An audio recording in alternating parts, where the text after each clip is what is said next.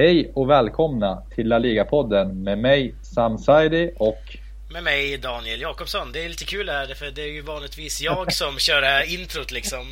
Eh, så vi fick öva på att vi skulle få göra det här. Eh, ja, men... Det där kändes stelt tyckte jag. Stelt? Var, var det? Tyckte det var jobbigt att säga det där? Det där vill jag gärna ha feedback från lyssnarna på Facebook. Ja, alltså själva det hej, ja. välkomna till La Liga-podden. Precis, det var inte naturligt men det kommer bli det med tiden tror jag. Okej, okay, ja. ja men eh, det, det, är snyggt. Det är ändå ett nytt koncept vi kör här nu. Att inte jag ska försöka vara någon programledare. Mm. Vi har ju ingen sån nu ändå. Nej, precis. Och det är, som, det är lika bra det för de som missade förra avsnittet efter juluppehållet. Att tanken är ju att få en en slags atmosfär som blir lite mer avslappnad men också att du Daniel kommer in mer i, i analyserna eftersom jag ofta saknar din expertis och den behövs ju också. Ja, det är kul att höra, det tackar jag ödmjukast ja. för faktiskt. Eh, ja. Men det gick ju galant, din presentation måste man ju mm. säga. Precis, får jag träna lite på att ibland få någon slags ledarroll i podden också men det är ju tanken att vi ska dela upp det. Ja, men jag tänker att jag fortsätter gärna på det spåret och, och lyfta upp veckans fråga.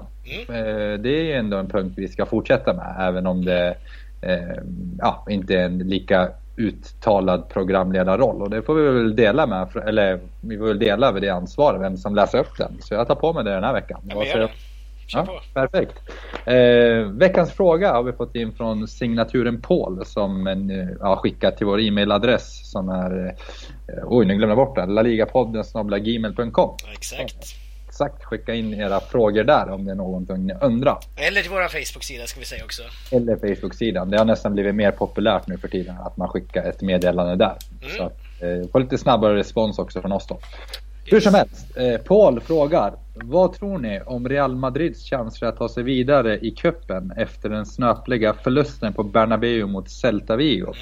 Mm, skicka över den till dig Daniel. Ja, du behöver inte skicka över den. Jag kommer kommentera den ändå. Eh, det måste man ändå säga att det var ju lite oväntat. Nu såg ju inte jag den här matchen tyvärr. Jag hade annat att göra just den tidpunkten.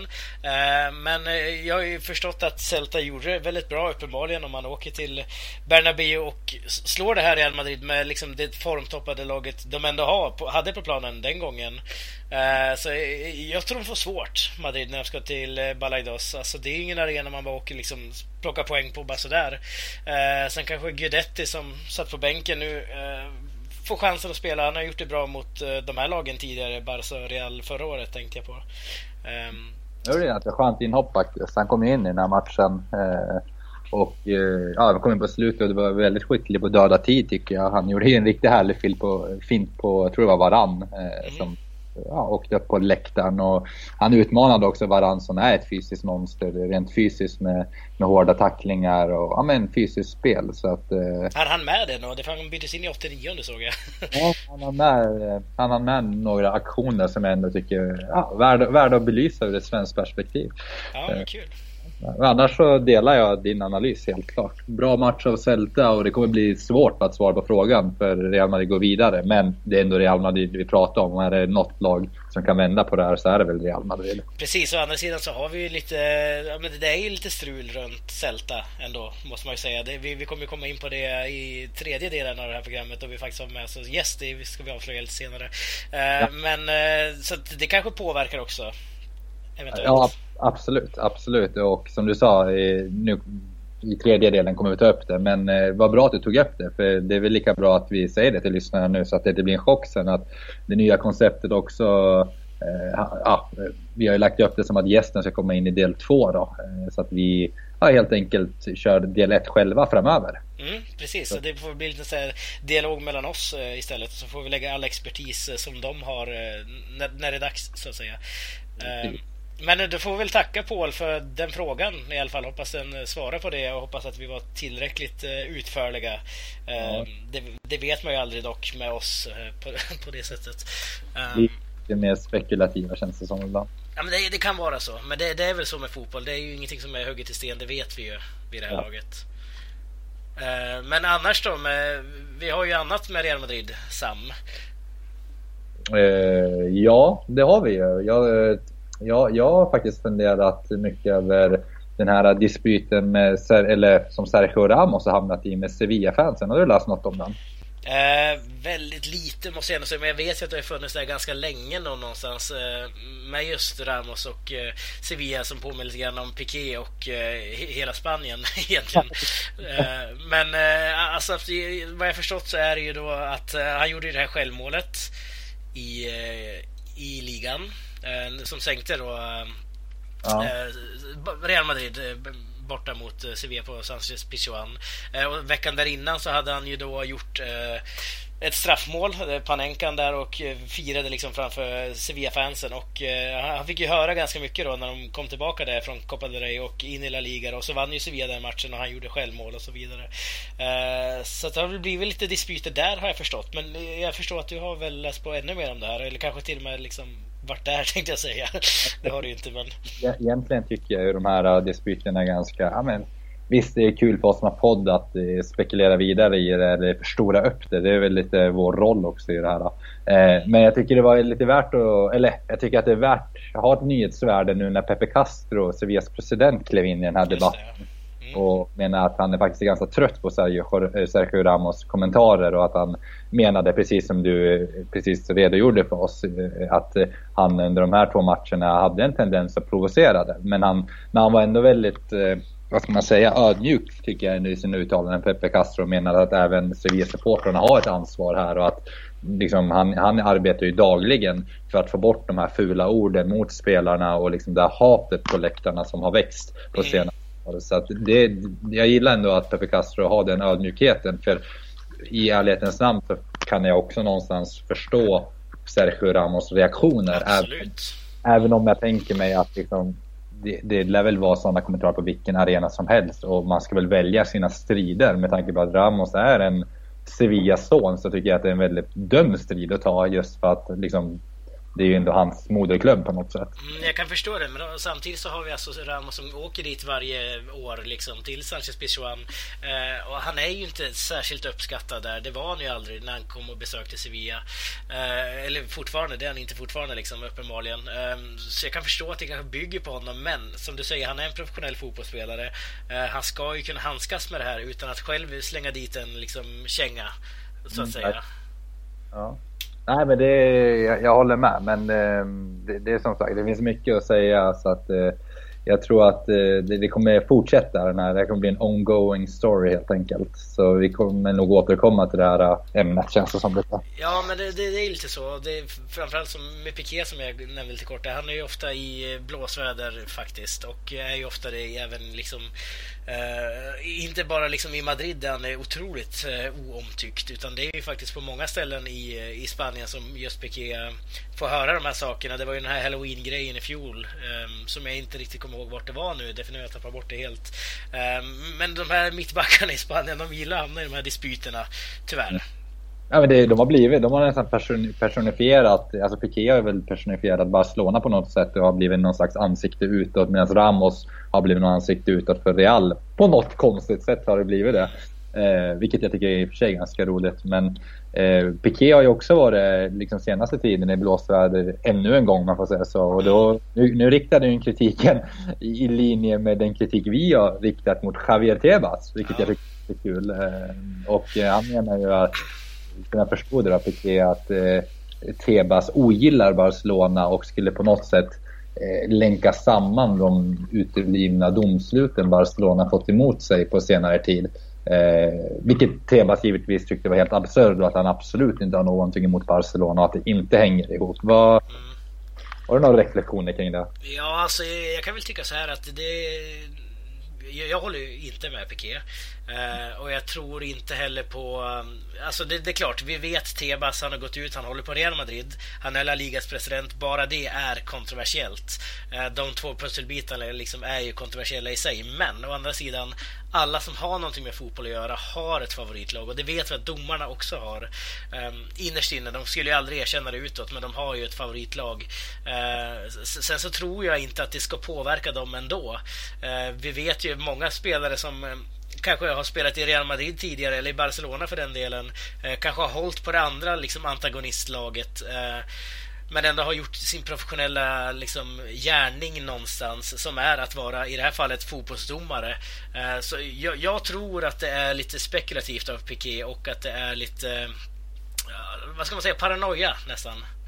Ja, absolut. Alltså någonstans så måste man väl förut, liksom sätta att, eh, att de som jobbar med La Liga och i La Liga, domare och liksom allt runt omkring har ett professionellt förhållningssätt. Annars kan man ju liksom, annars, då blir man ju paranoid om man ska tänka att det finns någon slags konspiration mot den. Så jag, jag, håller med dig att det här är ju ett absurt uh, uttalande från Piqué. Uh, men jag förstår hans frustration för att det har liksom, jag skulle snarare säga att det bara är, en slump att många av de här domsluten på senare tid, uh, vilket har varit många. Men vad, vad, vad, tänker du på? Eller vad tänker Piqué på? Vad tänker du på just, alltså konkret? konkret? Ja, nej men Piqué, jag tror bakgrunden till det här är hela att de senaste matcherna, dels mot Villarreal här senast, så var det ju en helt absurd situation när Messi skulle i, i ganska så här, fritt skottläge skjuta eh, ja, men fick ett bra skottläge och jag kommer inte ihåg vem det var som glidtacklade och liksom få upp handen för att block, och blocka skottet och sen blir det hörna istället. Inte nog med att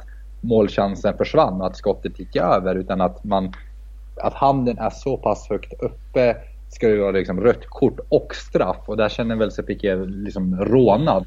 Eh, och det, jag tror Piqué också är väldigt frustrerad från den här ut... Han hade ju en uttalande när man åkte ut mot Atletico Madrid och menade att eh, att allt det här klagande och konspirationen mot Barcelona om att de skulle ha så mycket fördelar har snarare gjort domarna osäkra. Eh, vilket har resulterat att, att eh, man har fått många givna domslut emot sig nu som ska vara till exempel frispark eller straff. Och det pekar ni fram, framförallt på Filipe Luis förra året. Eh, när han gick ut och sa att det är omöjligt att slå Barcelona och sen så i sista sekund på Vicente Calderon så var det ju en solklar straff eh, när Gabi tog med handen i straffområdet. Eh, och där menade väl Piqué att all, allt det här liksom, där man legitimerar de här åsikterna eh, i slutändan påverka domarna. Och han menar att Tebas är skyldig till det här. Så att jag, det är långsökt, men jag förstår hans frustration. Men jag delar den inte för att man ska komma ihåg att Piqué och Barcelona också får väldigt mycket med sig. Förmodligen mer än vad de får emot sig. Ja, alltså frågar en Osasuna-supporter så skulle väl de säga att eh, Barca får med sig betydligt mer än vad Osasuna får. Eh, men, men, jag tänkte också på innan vi liksom bryter den här delen så har vi ju ändå en eh, manager som har avgått nu eller kommit överens att han ska avgå slash få sparken och det är alltså Abelardo. Sporting, det tycker jag är lite tråkigt tycker jag att han lämnar Sporting Gijon nu. Mm. Vi har ju ändå liksom någonstans romantiserat honom också och ehm, hela den här grejen med att han är kvar i Sporting eh, och Sporting har inte velat ta tagit bort honom trots att det gått ganska dåligt måste man ändå säga. Bara en seger i ligan hittills då. Det kom en ny manager där och sådär. Ja, vem var det som kom in? Nu har jag dåligt uppdaterad där. Ja, Ruby. Ruby, 46 år. Tränade Levante för förra året. Ja. Mm, men det, det, det, det, finaste tycker jag med det här att eh, Abelardo lämnar då. Han grät ju hela presskonferensen där i 20 minuter när han eh, liksom eh, konfirmerade, kan man säga så? Nej, det kan man inte göra. Men när han liksom klargjorde att han skulle lämna Sporting Gijon grät han ju väldigt mycket på den här presskonferensen och liksom erkände att han inte kommer att ta emot 4 eh, miljoner euro som annars hade varit hans avskedsbonus för han har ju kontrakt till 2020 då. Eh, ja. ja. men på, på, grund av att han älskar klubben så mycket som han gör. Det, det måste man ju ändå hylla någonstans. Verkligen, verkligen. Det, där visar vi det här eh, klassiska hjärtat som man brukar säga. Ja, precis. Det klassiska hjärtat, inte det här new age-hjärtat liksom. Nej, men inte det här falska hjärtat där liksom man kommer på den här presentationen inför den nya publiken och kysser klubbmärke. Det är det här falska hjärtat. Zlatan. Ja, bland annat.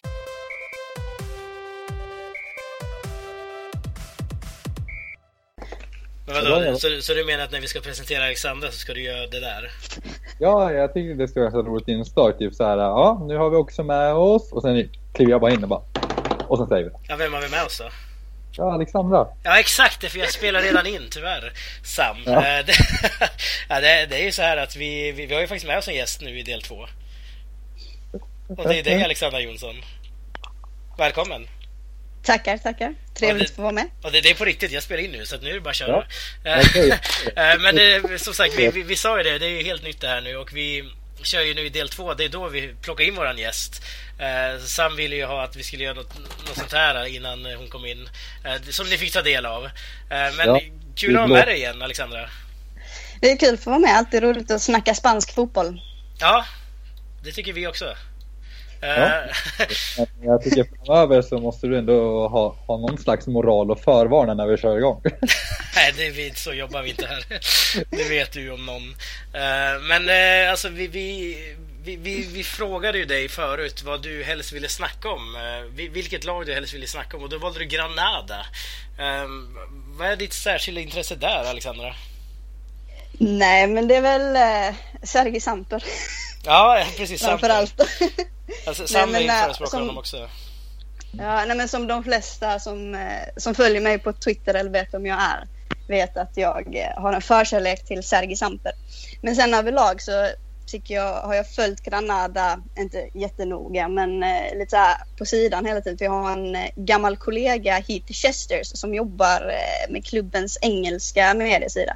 Mm. Så att det, när man vill veta något om Granada, är bara skicka ett sms till honom så får man alla detaljer. Så det är rätt okay. härligt med sådana kontakter och då blir det att man blir lite mer intresserad av ja, det, det lät ju som en lag. kontakt som kanske inte alla har dock. Eh, men absolut, man kan ju skicka ett sms, det kan man ju göra. Se hur det går.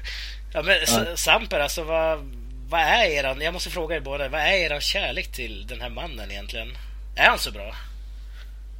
Ja, ja det, det skulle jag säga. Om jag säger så här att jag tror vår kärlek grundar sig framförallt i att vi förmodligen båda två, nu, nu talar jag lite för Alexandra här också, är att vi, vi följde nog honom båda väldigt tidigt när han var i Barça B. Och när han var i Barça B då var det ju en spelare som ja, jag i alla fall spontant tänkte skulle ta raka vägen upp till eh, Barcas A-lag och bli någon slags efterträdare till Busquets eller vad som helst. I alla fall en spelare som kommer vara på det där mittfältet. Eh, det var i alla fall min spontana känsla. Eller vad, vad, hur, hur, tänkte du kring Samper, Alexandra?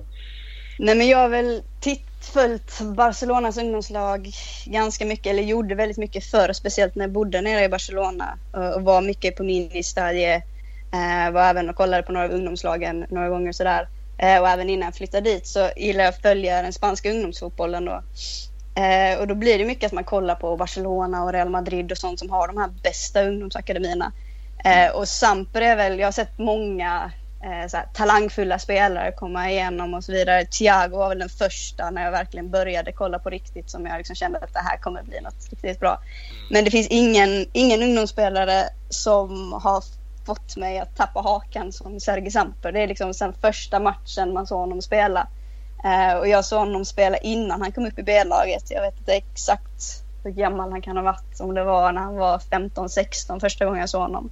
Det var liksom en spelare som eh, redan vid den åldern spelade på ett sätt som de flesta professionella fotbollsspelare inte gör i, i tanken. Eh, och så spelet på ett sätt som som väldigt få fotbollsspelare klarar av att göra. Och då, då kändes det liksom direkt att detta är, är något riktigt speciellt. Och sen därefter har jag alltid försökt följa honom och då när han kom upp i, i Barcas B-lag, eh, vilket var i slutet av tiden när jag bodde där nere, så började jag gå på de matcherna ganska frekvent. Och varje gång jag är tillbaka i Barcelona, så när han spelar i B-laget då, så försökte jag alltid få in en, en match på ministadiet bara för att eh, få lite samper watch, som jag kallar det. Ja. Men det, och, och, sen så har man, har jag då läst på väldigt mycket om honom, hört om eh, eh, de här folk som har följt honom sedan han var sex år gammal och började i klubben. Och det så som det har pratat om Sampa har det nog aldrig pratats om någon annan spelare i Barcelonas ungdomsakademi skulle jag vilja säga. Eh, inte ens Messi, för liksom många så andra spelare hypas det rejält och det här är den nya Messi, det här är den nya Maradona eller vad det är.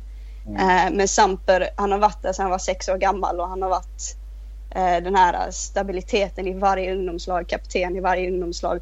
Så det har liksom funnits en känsla till att man behöver inte hypa honom för alla vet hur bra han är. Det är liksom så här, det är bättre att vi inte hypar honom för då vet inte de andra. Ja, det är det som är så intressant. För jag, Sam sa förra delen här att jag skulle bidra med mina analyser. Jag har ingen analys alls av Samper. Så det är jättekul att du säger att man inte behöver hypa honom. Därför jag hade behövt en hype uh, kring Samper. Men absolut, uh, tack för den. Nej men alltså om, om du tar de som, det, det handlar väl egentligen mest om de som följer Barcelonas ungdomslag väldigt ja, nära, de journalisterna eh, fansen och så vidare. Det har aldrig varit någon liksom hype runt honom egentligen vid någon ålder som helst. För att han har, alla har vetat att han kommer spela i Barcelonas A-lag en dag för han är så bra. Det har liksom varit en sån självsäkerhet runt honom.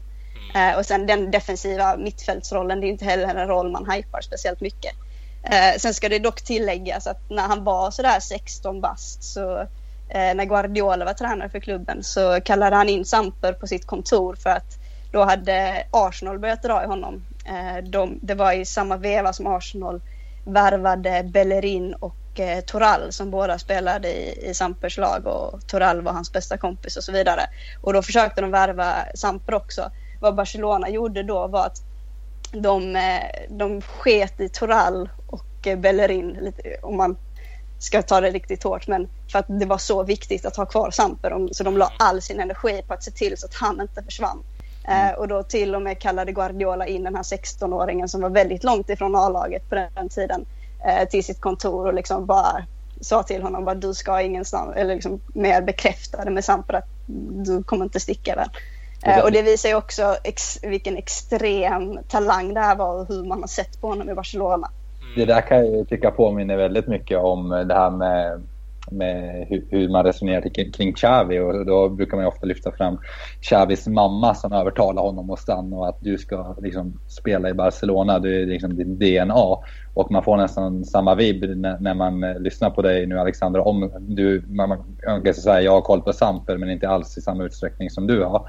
Eh, mm. Man får nästan samma känsla att han är nästan gjord ända från grunden för att vara på det där äh, mittfältet i Barcelona.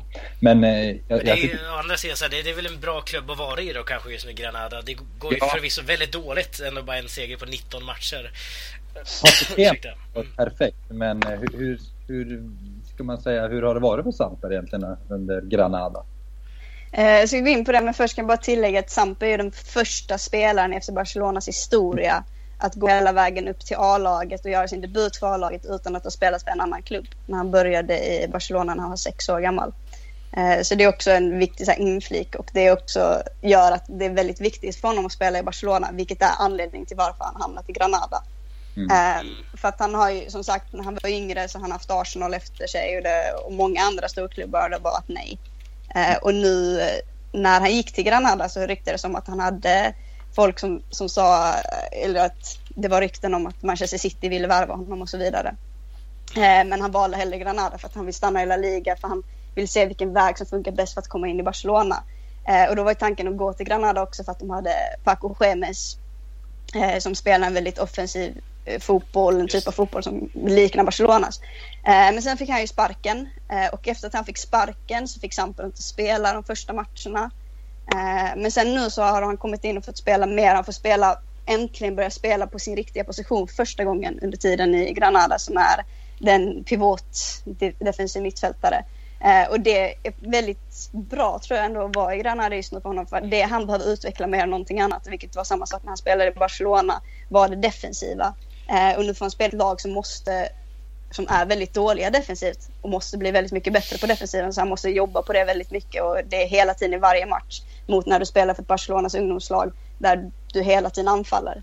Eh, så på den delen så kan det vara väldigt bra för, för Sampe just att få vara i Granada. Ja, han petar ju också Javi Marquez, eh, måste man ju säga. Marquez förvisso börjar bli till åren sådär. Men han var ju väldigt bra i Espanyol tyckte jag i alla fall. Han eh, gjorde, höll upp den defensiven väldigt bra, Javi Marquez. Um, jag vet inte om ni håller med mig där, uh, men uh, alltså, det säger väl en del kanske om att han är väldigt duktig, Samper också. Uh, men annars så tycker jag att de har ju värvat lite grann nu under, eller i juli, i alla fall en spelare, Sverrir Inge Ingasson. ingen större koll på den försvararen heller, måste jag säga. Mm. Islänningen där? Islänning, precis. Ja. 1,5 miljoner euro tror jag det var. Mm. Det är stora pengar för att vara Granada, måste jag säga. Ja, de har ju ändå ett kapital. Alltså, jag tänkte med Udinese och hela den biten. Ja, de har ju fått nya ägare nu. Just det, eh, berätta. Jag kan inte säga jättemycket om det där, men det är några kineser, ett kinesiskt företag som heter Link. Eh, som har kommit in och, och köpt klubben från eh, Posso-familjen, så att säga. Um, och uh, det, om man ska säga något positivt ur Granadas säsong, de ligger ju näst sist i La Liga och uh, när jag snackar min, min kontakt i klubben så att säga så har han redan är redan inställd på att de kommer åka ur.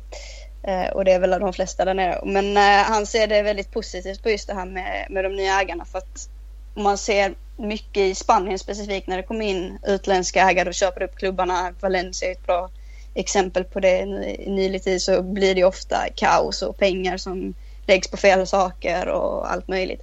Men här har eh, de här kineserna faktiskt eh, redan börjat att investera i ungdomsakademin istället för att liksom bara köpa in dyra spelare eller så här. Och det visar ju på att man, eh, även om man skulle åka ur La Liga så har man någonting att bygga på. Man har skaffat en ny träningsanläggning så det, det är väldigt fokuset i Granada är åt rätt håll och man är väl lite inställd på att man kommer åka ur La Liga. Men då är det lite för att jobba ihop och få ihop sitt lag istället för, om man kollar i laget nu så är det 18 olika nationaliteter. De kan knappt prata samma språk med varandra. Nej, så då kan det vara lite bra att få upp lite egna spelare istället. Jag kan ändå tycka att det är en ganska skön ingång när man kommer in som utländsk ägare och liksom börja från grunden, det vill säga akademin. Eh, mm. De, de flesta ägare brukar ju börja från andra hållet, så att man börjar från A-trupperna neråt. Och jag tror att det här är en mycket sundare inställning som inte får någon nytt slags kaos som i Valencia och som i som i Malaga. framförallt. Ja, ja, det är med. Ja. Men alltså, det, jag tycker ändå det är intressant att de gör det också. Men jag menar att de, att de börjar in någonstans vart den här säsongen leder. Det, jag menar, det är åtta poäng upp till säker mark. Eh, de har haft det bråket med Barall och Cuenca. Nu har ju Barall lämnat då. Eh, klubben. Eh, men jag tänkte just det, här som ägarna, nya ägarna, alltså Link där eller hur, vi ska säga. De äger ju också Um, det, det, var det, jag visste ju om det, men jag hade helt glömt bort. De äger ju Chongqing Lifan, uh, en klubb i Kina också. Uh, som, och den klubben har ju nu värvat in Adrian Ramos från eh, Borussia Dortmund och nu ryktas det om att Ramos i sin tur ska lånas ut till Granada. Och det skulle ju vara en fantastisk värvning då, anfallaren i Dortmund. Eller? Ja. Nej men definitivt. Granada behöver väl all hjälp de kan få. Ja, framförallt framåt kanske? Ja, det är ett väldigt intressant lag, speciellt denna säsongen. För de har ju spelat, eh, speciellt under schemat, en väldigt offensiv fotboll. Och sen nu eh, under eh, Alcaraz så har det blivit mer defensivt. Men de saknar ju, de har ju ett horribelt defensivt spel. Så de har ju liksom ingenting egentligen. De har många bra spelare men som inte kan göra, som inte lyckas göra så mycket. Men sen tycker jag det är rätt intressant det här att de har så pass många olika nationaliteter i laget. Eh, och de knappt kan prata med varandra för att de kan inte samma språk. Mm. Uh, och då är det också ganska svårt att spela ihop ett lag. Så jag vet inte riktigt hur man har tänkt där.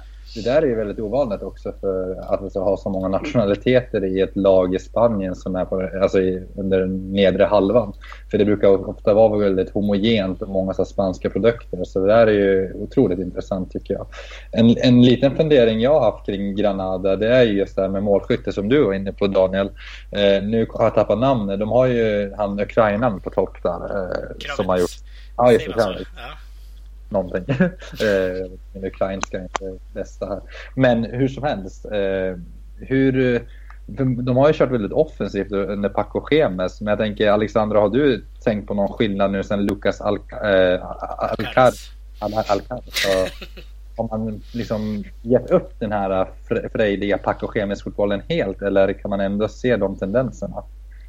Alltså det är ju, han, han, började ju typ sina första matcher med att köra fembacka försvar och sånt där. Men det har ju öppnats, blivit mer och mer offensivt nu mot, mot slutet skulle jag säga.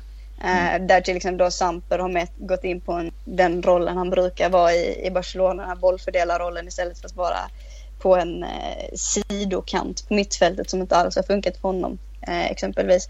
Så det, har ju, det blir ju mer och mer offensivt igen så att säga. Men det har ju inte gått så bra för dem nu heller. De har ju vad är det, sju förluster och fem oavgjorda och, och bara två vinster under eh, Alcares. Så att det är ju det är inte så fantastiskt eh, vare sig framåt eller bakåt i det här laget.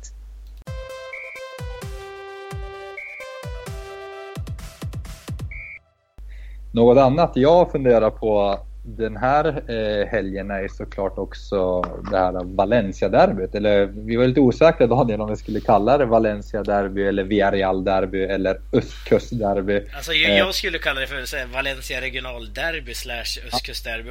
Jag vet inte, Alexandra, har du någon definition på det? Nej, det är ju det är lite svårt. Nej, men det blir väl Valencia regions-derby. Det är ju ja. fortfarande en region, Valencia. Ja, det är ja, den autonoma regionen där ja. Ja, Det är därför jag kör det här Valencia-derbyt. Så jag kommer vara konsekvent. Valencia-derbyt. Jag fortsätter med det. Och sen så är det underförstått att jag menar regionen. ja. Men hur som helst, det var ju också en match du, vi tippade förra veckan och det gick ju käpprätt åt ja, någonting. Um, så att, uh, det... det... är inte TV, du får säga helvete här sen. Ja.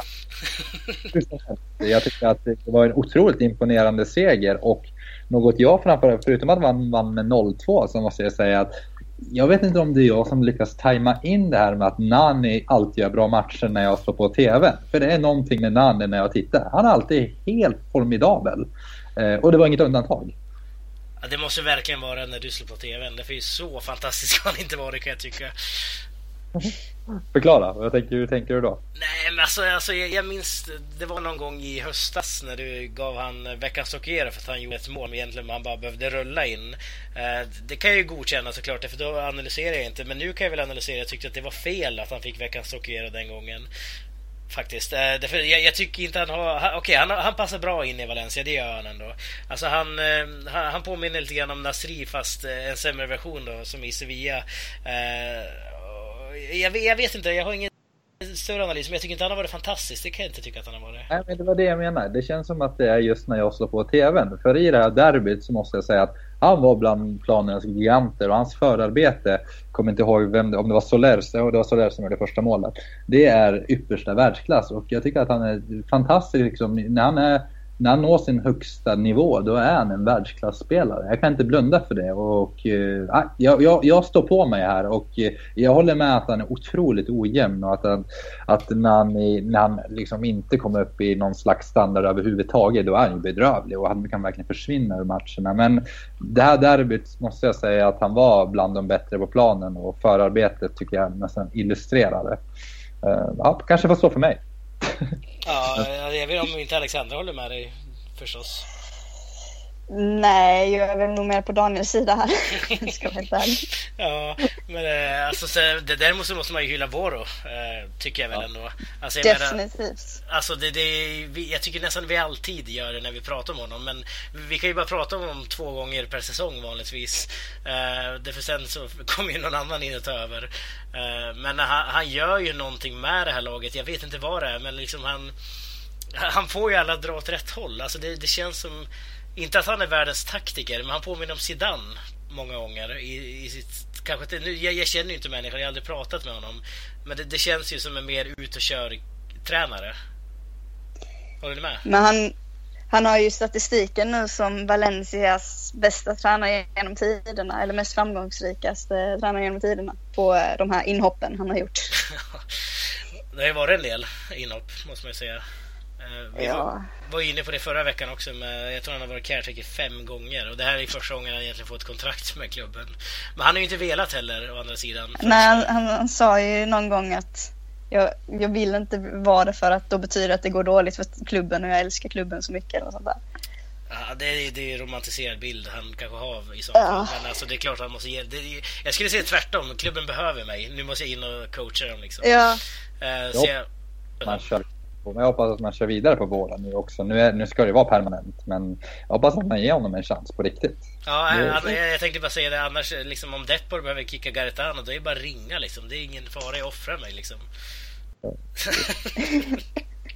men jag tycker det är, det är intressant också det här med att eh, mot Villarreal så var det första gången Valencia höll nollan sedan april i fjol när man mötte Eibar. Det är, jag tror jag räknade ut att det var 33 matcher inklusive vänskapsmatcher som de har gått utan att hållit nollan fram till den här matchen. Det är ju ändå fantastiskt att de lyckas med det. Det är fantastiskt dåligt också att de inte har gjort det tidigare såklart.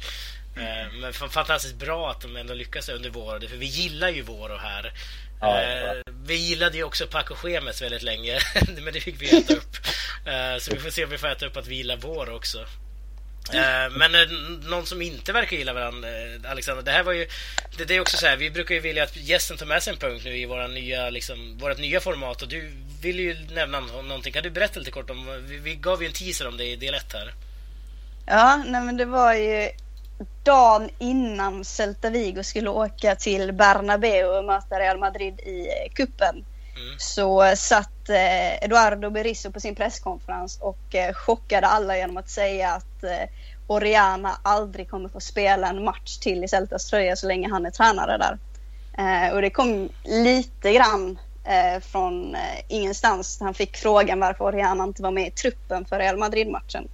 Eh, och så sa han då det och den enda förklaringen han gav just då eh, var att han hade visat lack of respect eh, Oriana och att det var oacceptabelt och han skulle inte få vara med i klubben helt enkelt. Han hade klubben på sin sida, presidenten, eh, alla i klubben stod bakom Berizzo i beslutet eh, och därmed så helt plötsligt så hamnar en av Celtas bästa spelare tillsammans med Aspa skulle jag säga att Oriana är Celtas absolut bästa spelare. Eh, och en av de mest underskattade spelarna i hela La Liga hamnar på, eh, ute på eh, transfermarknaden till ett väldigt bra pris. Eh, för att klubben ville bara bli av med honom. Det, det, är på den nivån att de bryr sig inte ens om pengarna. Det är liksom bara första bästa, bara ta honom. Undrar vad... Eh, är det ja. något, eller det finns liksom ingen... Det kommer inte någon slags indikation på vad det kan ha handlat om förutom att det var röstklass, eller? Ja, det, det har kommit... Eh, det, vad som kom först var Oriana som gjorde någon intervju i en chilensk tidning eh, där mer eller mindre sa att eh, det är en liten grej som, eh, som Berizzo har gjort till en stor grej och eh, eh, det var något personligt mellan oss två men han har gjort det till en grej som handlar om hela laget och jag förstår inte varför jag måste lämna på det här sättet. Typ sådär, utan att han heller sa vad det handlar om. Eh, men sen eh, dagen efter så kom Faro de Vigo, den lokaltidningen i Vigo med en hel förklaring och jag dubbelcheckade med en kontakt i klubben som han gör. Ja, så, så, som man eh, har i öster. Ja.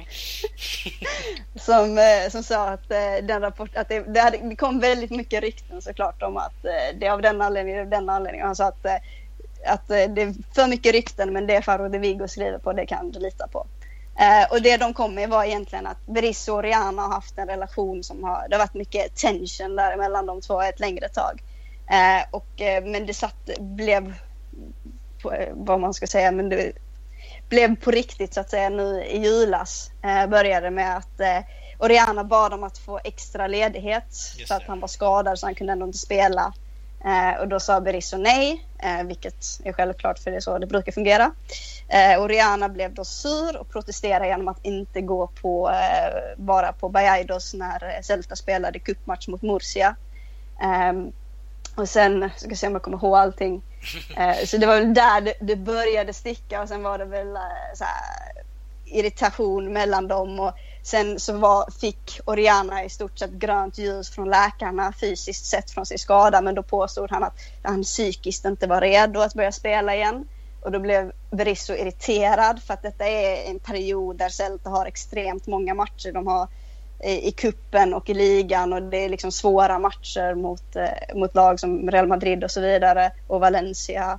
Eh, även om Valencia inte är fantastiska denna säsongen, men ändå. Underbara är Ja, exakt. Ja. Eh, så, att det var, så där var det väldigt infekterat och då inför den här Real Madrid-matchen, nej inför Valencia-matchen var det, Eh, så skulle då Oriana vara redo att börja spela igen och då ville Berizzo ta ett samtal med honom för att liksom lösa upp situationen och vad det är som har hänt. Så han skickar in sin assisterande tränare i eh, omklädningsrummet och han säger då till Oriana att han ska gå till Berizzos kontor varpå Oriana inför alla sina lagkamrater skriker ut Que se vaya cagar, no voy, vilket översatt betyder mer eller mindre You can fuck, fuck off, I'm not going eh, går in, tar sin dusch och sen åker ifrån träningsanläggningen utan att säga ett ord till Berizzo. Eh, och då hade Berizzo fått nog. Eh, och det var där han tog beslutet att han kommer aldrig spela i Celta under mig. Sen åkte ju... Det, sen spelade Celta, det här var returmatchen mot eh, Valencia, spelade de den. Um, och sen var det egentligen inget snack om, ingen visste, eller det berättades inte vad som hade hänt och han berättade inte sitt beslut förrän uh, då Real Madrid-matchen kom. Och Oriana fortfarande inte var med i truppen. Och det liksom började fråga, men han är liksom, han är inte skadad längre. Varför har man inte med sin bästa spelare mot Real Madrid? Ja, eh, och då, då gick Berizzo ut och sa att nej, men han kommer aldrig spela för, för Celta igen. Mm. Så det var ju lite och, och, offentligt, eller officiellt då, kan man väl säga. Ja. Men han har ju också eh, varit det, väldigt skadad. Ja, fortsätt. Ja, nej, men han har varit, haft en skadeperiod, men annars ska man ju liksom verkligen poängtera att detta inte är en truppspelare. Detta är verkligen nu om man bortser från de, den fantastiska formen Aspas är för tillfället så är detta, har detta varit Celtas bästa spelare de senaste åren efter Nolito. Eh, det är en spelare som på egen hand kan vända en hel match, kan avgöra en hel match. Det är en extremt viktig spelare för Celta Vigo. Och som man liksom, så det är, det är inte en liten spelare som man bara säger han kommer aldrig få spela den här klubben igen. Så det, det är en väldigt stor grej. Precis, nej, han är ju verkligen stjärnan där måste man säga som du säger med Aspas. Men båda två börjar bli lite... Alltså jag, jag vet inte om man kan säga att 30 är en hög ålder. Därför jag börjar ju närma mig 30 själv. Eh, så jag vill gärna inte säga att det är det. Men alltså det kanske är... Eh, därför jag läste också om det här i och med att du har länkat oss lite grann och försökt hjälpa oss att reda ut den här eh, röran som det ändå är. Att eh, han var ju skadad som du nämnde här och att det påverkar. Men sen så, som jag var inne på förut också, han har ju varit skadad väldigt mycket nu också. Eh, under den här säsongen. Bara spela sju matcher. Eh, sex från start. Så jag menar det... Ja, jag vet inte. Känsligt såklart, men eh, det har ju gått sådär utan honom. Så att det är klart de hade behövt honom. Men sen kan man ju komma ihåg att det här kommer ju ur ett svenskt perspektiv kanske öppna upp lite mer för Guidetti. Så att det finns ju någonting positivt i det här från, från svenskt håll. Men, det har ju inte gjort det när han har varit skadad däremot. Nej, det har det inte Jo, det har det ändå. Tycker jag. Du tycker ja. det? Ja, därför, grej, grejen med Celta denna säsongen som väldigt få svenskar specifikt inte riktigt har förstått är att Berizzo har roterat som en galning. Så det har inte varit egentligen, eh, speciellt när de spelade Europa League och ligan samtidigt. Då var det ju varenda match var det nya spelare på varje position i stort sett. Inte ens Aspas har varit given. Han är väl den spelaren som varit mest given att få starta medan han har varit given. Utan det är liksom rotation, rotation, rotation, rotation. Och han slutade egentligen att rotera nu efter julen. Eh, och då fram till matchen nu eh, i helgen som, där de vilade massa spelare igen. Så har Guidetti startat varenda ligamatch. Eh, och nu vilar de spelare för att de har Real Madrid-matchen. Så jag tycker ändå att Guidetti har, på grund mycket av att Oriana inte har varit tillgänglig, även om de inte har samma position, så har han fått spela från start de här gångerna när de faktiskt har spelat sin bästa elva, vilket har varit väldigt få gånger den här säsongen. Ja, rätt ska vara rätt, helt klart. Eh, men eh, ska vi se här, vi, vi, vi, börjar faktiskt få lite ont om tid. Det är jag som tar tid, eh, tidklockan här. Eh, så att eh, vi, vi hade egentligen tänkt att vi skulle snacka lite grann om Simeone och sådär, men det är lite ointressant kanske i sammanhanget. Så att vi, vi lämnar den delen och går direkt på den här veckans match som vi alltid har. Ursäkta mig, förra veckan så valde ju du Sam eh, match, Villarreal Valencia, som du var inne på förut. Och som vi tippade helt galet. Ja, det gick inte som vi hade tänkt oss här kanske. Nej. Nej, men... Eh, slutet... Får du match eller? Vad sa du för något? Då får du välja match den här gången. Ja, jag hade tänkt göra det. Jag ska bara presentera hur, hur vi tippade förra veckan. Och det var ju 0-2 slutade i den matchen då som vi var inne på. Eh, jag tippade 2-2, ändå helt okej okay, måste jag säga med tanke på hur Valencia var i år. Eh, och 2-1 tippade du då till Villarreal, så det, det gick ju inte alls den gången. Men det var en svårtippad match. Vi visste ju inte riktigt vart, eh, hur, hur långt våra hade kommit in i det här laget heller. Ehm, men den här veckan så ska vi tippa en annan svårtippad match kan jag tycka i alla fall. Alaves mot Atletico. Ehm, hur ser vi på den matchen? Vem vill börja där? Jag slänger ut ordet. Alexander, kör du. Okej, okay, jag kan väl hoppa in. Nej men eh, det var ju första matchen på säsongen. Exakt. Eh, som på Calderon där eh, Deportivo Alaves lite överraskande fick med sig 1-1. Mm. Om jag kommer ihåg rätt. Med Mantovani som gjorde sitt första La Liga-mål någonsin. Han med det blå håret. Just det. För de som inte har superkoll. Nej men det är ju som du säger, det är inte en helt enkel match. Men jag skulle nog ändå Atletico Madrid har ju inte den bästa säsongen. Alaves har varit väldigt duktiga defensivt. Eh, men jag tror ändå att Atletico tar det. Kan man säga 1-2 kanske? 1-2, ja men absolut. Jag var inne på ungefär exakt det resultatet. så att, eh, men det är lugnt, ta den. Nej men alltså jag tänker så Atletico tappar ju poäng. Barca följer ju hemma mot Alaves. Uh, det, det, känns som att de mer utmanar på de här bort, svåra bortamatcherna Alaves. Eh, så jag tror att de faller igenom här nu. De tappade ju senast mot Leganes också. Eh, så jag ser väl 0-2 då till Atletico. Mm, det var precis det jag skulle ta. Men ja, vi... vi tar varandras. ja, vi tar varandra. Men då kör jag på lite målrika. Jag kör på 1-3 till Atletico. Ja, det var just det jag skulle ta. just det, det var det jag Det är nu någon okänd kliv in i podden. Det var det jag skulle ta. ja, precis. Nej, men 1-3 sa du. Ja. Det, det, det, är väl lyssnaren som tänker så. Det var det jag skulle ta. ja, precis. Det är så det blir istället. Uh, ja, men okej, då har vi resultaten där då. 1-2, 0-2, 1-3. Alla tror på Atletico. Spika tvåan där. Nu blir det ja. Det är bara att gå och tippa, kära lyssnare. Ja, precis. Apropå tippa, ska vi köra ditt lotteri till uh, veckolista? Oj, det var nästan ett hån mot min skojar. Det är väldigt välgrundad måste jag säga. Olika observationer på vad som har hänt. Ja, det var klockren analys Sam. Jag skojar bara. Nej, men jag tänker eh, vi, vi kör veckolistan och eh, vi börjar i vanlig ordning med veckans eh, Tokiero. Och eh, ja, vi, vi hade ju lite Granada-fokus, och, men, eller ja, mycket Samper men också Granada såklart. Eh, och nu förlorar man ju i och för sig, vi kommer inte in på det just den senaste matchen så mycket, men man förlorade mot Espanyol med 3-1 om jag kommer ihåg rätt. Eh, 3-2 kanske var, hur som helst. Eh, I den matchen så stod Andreas Pereira eh, för en otrolig frispark som var nästan så lite Ronaldinho-inspirerad när han slår den så perfekt under muren. Eh, vid första anblick, jag som romantiserar Samper lite som eh, Alexander också gör, så trodde jag det var han vid en första anblick, men det var det inte. Det var, det var. Och genialisk eh, ska inte Samper vara än, kanske om några år. Ändå cool att han heter Andreas Pereira och inte Andres Pereira. Ja, det, det, är viktigt att betona. Tack för den. Ja, precis. Eh, men Faber då? Eh, Faber, innan jag går in på Faber. Har ni inte sett det där målet, Youtubern? Eh, väldigt vackert. Eh, Faber, det hittar vi från Valencia-derbyt eh, och det är ju Asenjo, så där får man inte göra. Det är en otrolig tavla han står för när han får för sig att dribbla som siste man. Eh, så där får man inte göra i ett sånt viktigt skede och det dödade i stort sett matchen. Eh, Asenjo, tavla får bli veckans Faubert. Ja, snyggt. Jag, jag trodde faktiskt du skulle ta den här tacklingen på Busquets i, i Barca-matchen. Ja, den är också högt upp på listan. Och även i Tokiero så pendlade jag väldigt mycket mellan, mellan frisparken och Abelardos avsked och att han avstod liksom sin lön som vi var inne i, på, i del 1. Ja, eh, så att, äh, det fanns mycket att välja på. Det var mycket som hände. Äh, och Celtas seger mot Real i cupen ska vi inte glömma. Äh, en otrolig bedrift. bra utgång. Vä väldigt, väldigt imponerande också dagen efter hela den här Oriana-grejen händer. Att man kan få ihop laget sådär och gå ut och vinna över Real Madrid. Ja, och ska man komma ihåg också, det kommer lite, Real Madrid kan nog vända det här men det ser onekligen bra ut.